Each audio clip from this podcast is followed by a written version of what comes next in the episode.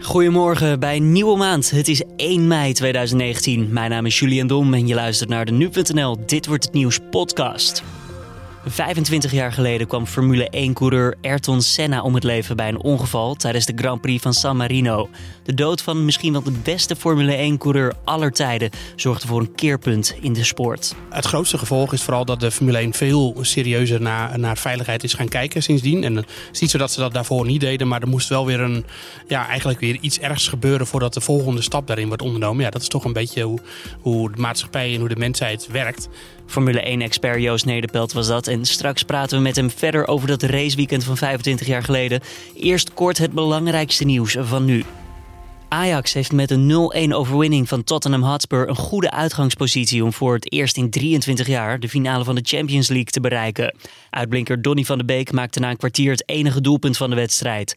In de tweede helft hadden de Amsterdammers het lastig en kwamen ze onder druk te staan van de Spurs. Maar uiteindelijk hield Ajax stand. Volgende week woensdag spelen beide teams de return in de Johan Cruijff Arena. De andere halve finale, waar vanavond de eerste wedstrijd van wordt gespeeld, gaat tussen FC Barcelona en Liverpool. De aftrap is om 9 uur. Bij demonstraties in de Venezolaanse hoofdstad Caracas zijn dinsdag gevechten uitgebroken tussen betogers en veiligheidstroepen. Eerder op dinsdag deed de zelfbenoemde interim-president Juan Guaido een oproep om de regering van de huidige president, Nicolás Maduro, omver te werpen. Guaido plaatste een video online waarin hij zegt dat de laatste fase van de opstand is ingegaan. Así que es un momento muy importante para Venezuela. Y como ustedes lo ven, bueno, acontecimientos en pleno desarrollo, van a seguir llegando personas, van a seguir llegando eh, unidades del lado de la Constitución. Steun aan beide leiders is verdeeld. Diverse militairen staan achter Guaido, maar volgens de regering van Maduro steunen de belangrijkste topmilitairen nog altijd de huidige president. Ook internationaal is er geen eensgezindheid. Rusland, China en Cuba hebben nog vertrouwen in Maduro, terwijl de VS en veel Latijns-Amerikaanse landen juist Guaido aan de macht willen zien. Op een campus van een Amerikaanse universiteit in de stad Charlotte in North Carolina zijn zeker twee personen doodgeschoten. Vier anderen zijn gewond geraakt, waarvan drie in kritieke toestand verkeren. And here is some video that we are seeing right now from pictures of Sky 3. That could be the suspect right there, Maureen. Yeah, we're looking as um, Sky 3 captured the scene. You see the law enforcement with one person handcuffed, and they put them into the back of that vehicle. De vermoedelijke dader is aangehouden. Autoriteiten vermoeden dat de schutter alleen handelde. En Japan heeft een nieuwe keizer. Woensdagochtend heeft Naruhito, de 56-jarige zoon van de dinsdag afgetreden keizer Akihito, zijn vader opgevolgd. Na de eetaflegging sprak Naruhito de belofte uit dat hij symbool zal blijven staan voor de Japanse natie en de eenheid van zijn inwoners. Hij bedankte zijn ouders, de voormalig keizer dus en keizerin, voor 30 jaar dat zij het land hebben gediend. Met de aanstelling van Naruhito is ook het nieuwe keizerlijke tijdperk Reiwa ingegaan. Dat kan vertaald worden als mooie harmonie. En dan gaan we naar ons gesprek van deze dag, de dood van Ayrton Senna. We gaan dus de geschiedenis in, want Ayrton Senna is deze woensdag precies 25 jaar geleden omgekomen bij een raceongeval tijdens de Grand Prix van San Marino. Het gebeurde allemaal op het circuit van Imola. Het was sowieso een vreselijk weekend. Uh, vrijdag tijdens de vrije training raakte Rubens Barrichello gewond bij een ongeval. En tijdens de kwalificatie op zaterdag rijdt de Oostenrijker Roland Ratzenberger vervolgens met enorme snelheid tegen de muur en komt te overlijden. En dan zondag, de dag van de race. Eerst een startcrash waarbij meerdere onderdelen het publiek invlogen. En later in de race de dood van Senna.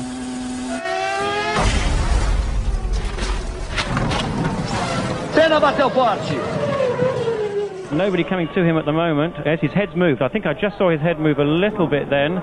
The race has been stopped. The red flag is out. Few people really do know myself. Do, few people know me. Professor Watkins in attendance and all the, the medical crew as they remove Ayrton from his car and take him straight to the medical centre. When I saw him in the cockpit and we got him out and I realised that his head injury was, was going to be a fatal head injury. Madame, Monsieur, bonsoir. Le pilote brésilien Ayrton Senna est mort cet après-midi à l'hôpital de Bologne en Italie. Denn nach dem tödlichen Trainingsunfall des Österreichers Roland Ratzenberger gestern kam heute auch Formel 1 Weltmeister Ayrton Senna auf dem Unglückskurs von Imola in San Marino ums Leben. You either commit yourself as a professional racing driver that is designed to win races, or you come second, or you come third, or you come fifth. And I'm not designed to come third, fourth, or fifth. I race to win as long as I feel it's possible. Sometimes you get it wrong, sure. You, it's impossible to get it right all the time. But I race designed to win. Dat was even een kleine compilatie. Uh, Joost Nederpelt aan de telefoon, Formule 1-expert bij Nu.nl. Bekend ook wel van de podcast De Boordradio. Joost, um, ik heb het net in het kort gezegd, maar neem ons even terug naar dat weekend, 25 jaar geleden. Het begon met de grote crash van Rubens Barrichello op vrijdag, die uh, dat nauw en nauw overleefde. Um, toen was er zaterdag een hele harde crash tijdens de kwalificatie van Roland Ratzenberger, een Oostenrijker, die toch altijd een beetje ondersneeuwt, omdat het toch vaak over Senna gaat als het om dat weekend draait in uh, de verhalen.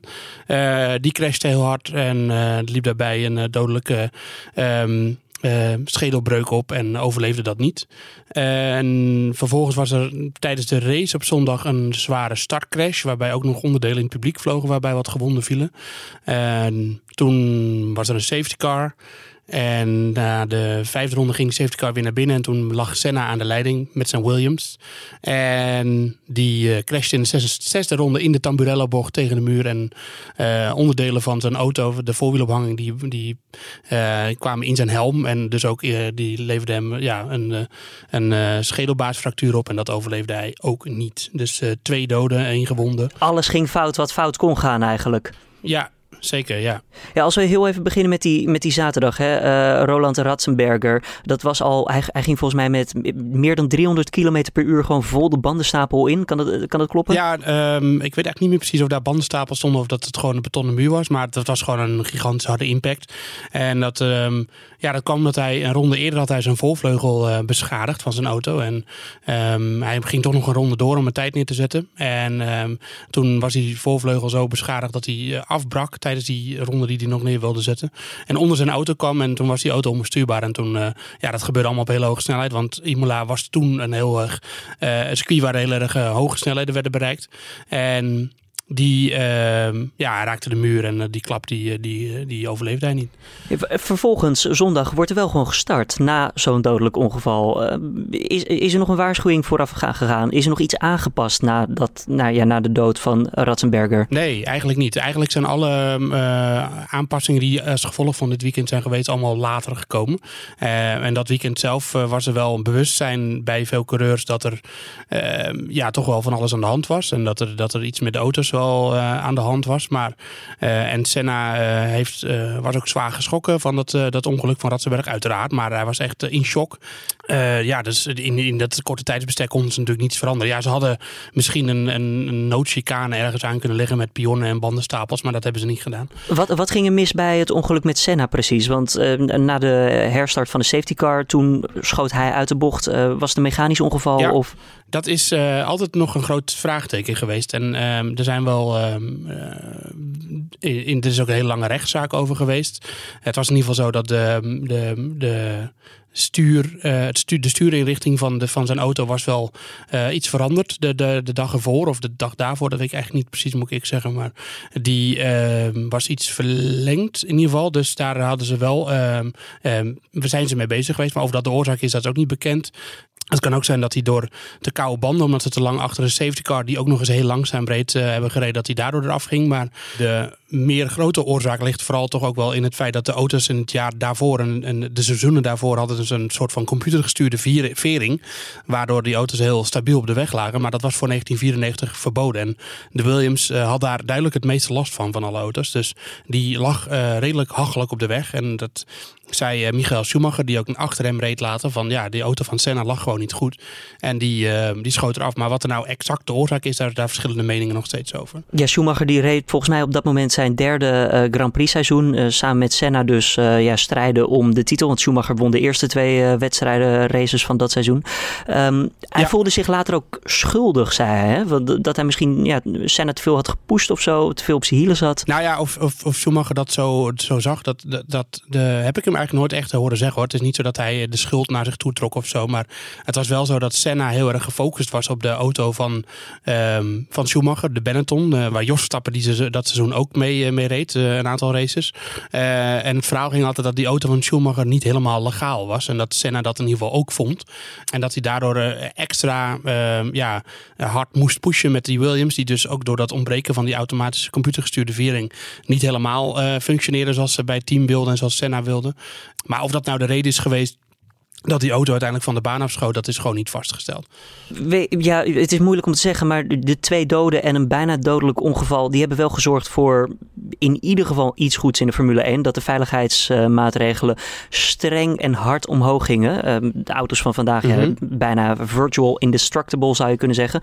Maar wat, wat waren de belangrijkste aanpassingen na dat weekend? Het grootste gevolg is vooral dat de Formule 1 veel serieuzer naar, naar veiligheid is gaan kijken sindsdien. En het is niet zo dat ze dat daarvoor niet deden, maar er moest wel weer een, ja, eigenlijk weer iets ergs gebeuren voordat de volgende stap daarin wordt ondernomen. Ja, dat is toch een beetje hoe, hoe de maatschappij en hoe de mensheid werkt. Uh, en het eerste wat je daar visueel van kon zien was dat twee jaar later, vooral tijdens de Grand Prix, uh, of tijdens het seizoen 1996, dat uh, die hoge cockpitranden, die dus nu ook om het hoofd van de coureur heen zitten, die, die werden dat seizoen geïntroduceerd. Dus dat was iets nieuws. En later werden er allerlei maatregelen genomen waardoor banden niet meer over het wegdek konden vliegen. De helmen werden verbeterd, de, de, de, de de brandweer kleding werden verbeterd. Uh, er kwam een handsysteem, dat is zo'n beugeltje die zit aan de achterkant van de helm, waarmee uh, de coureur, het hoofd van de coureur niet te ver naar voren kan uh, doorslaan. Dus dat is weer om het hoofd en de nek te beschermen.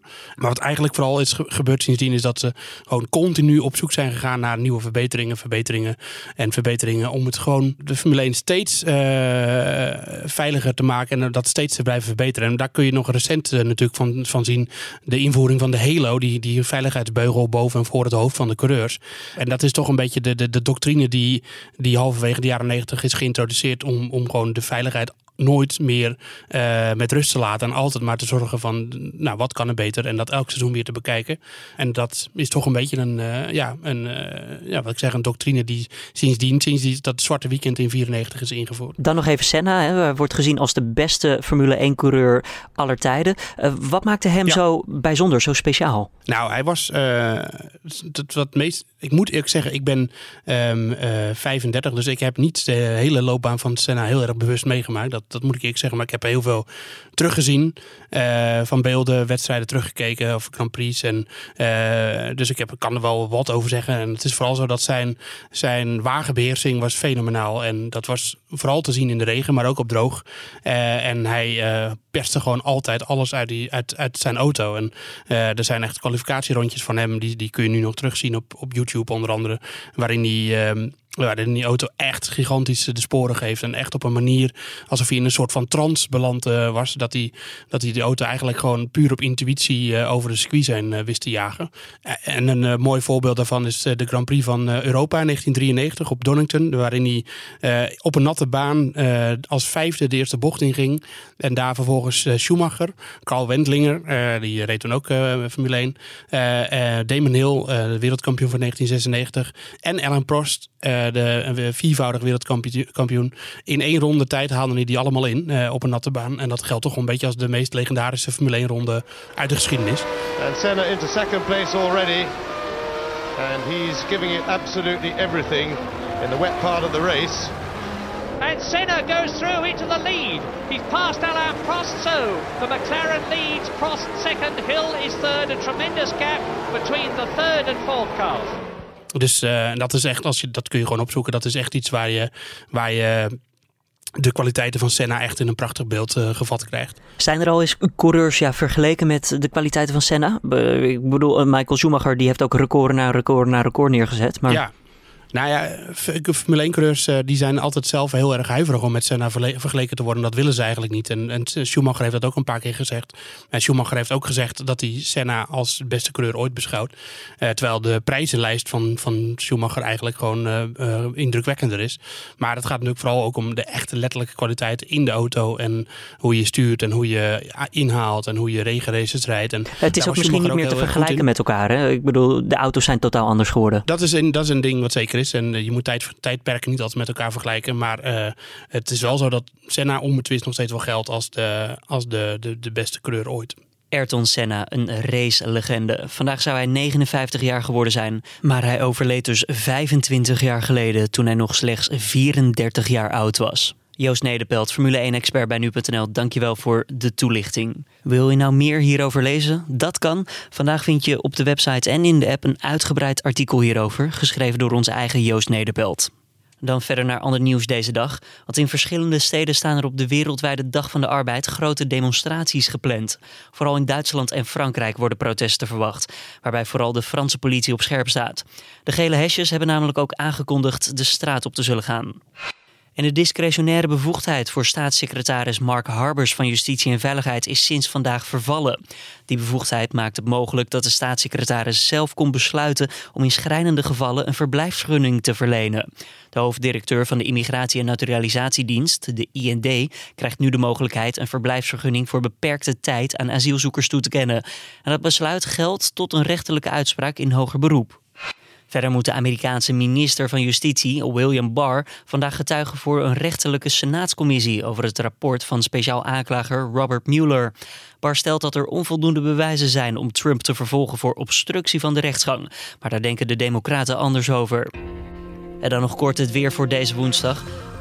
Ochtends, zoals je misschien al kan zien, is het lokaal eerst nog mistig en op de meeste plaatsen ook bewolkt. Pas in de loop van de middag laat de zon zich steeds vaker zien. Het is dan afwisselend bewolkt en zonnig bij een matige wind. In de kustgebieden wordt het zo'n 15 graden en als je meer naar het binnenland gaat, dan komt de temperatuur uit op zo'n 18 graden. En dan zijn we er nog niet helemaal, want Facebook heeft zijn belangrijke Developers Conference gehouden, de F8. Facebook gaat namelijk op de schop. Dat heeft bedenker Mark Zuckerberg dinsdag bekendgemaakt. Het bekende Facebook Blauw moet plaatsmaken voor meer wit in de app en op de site.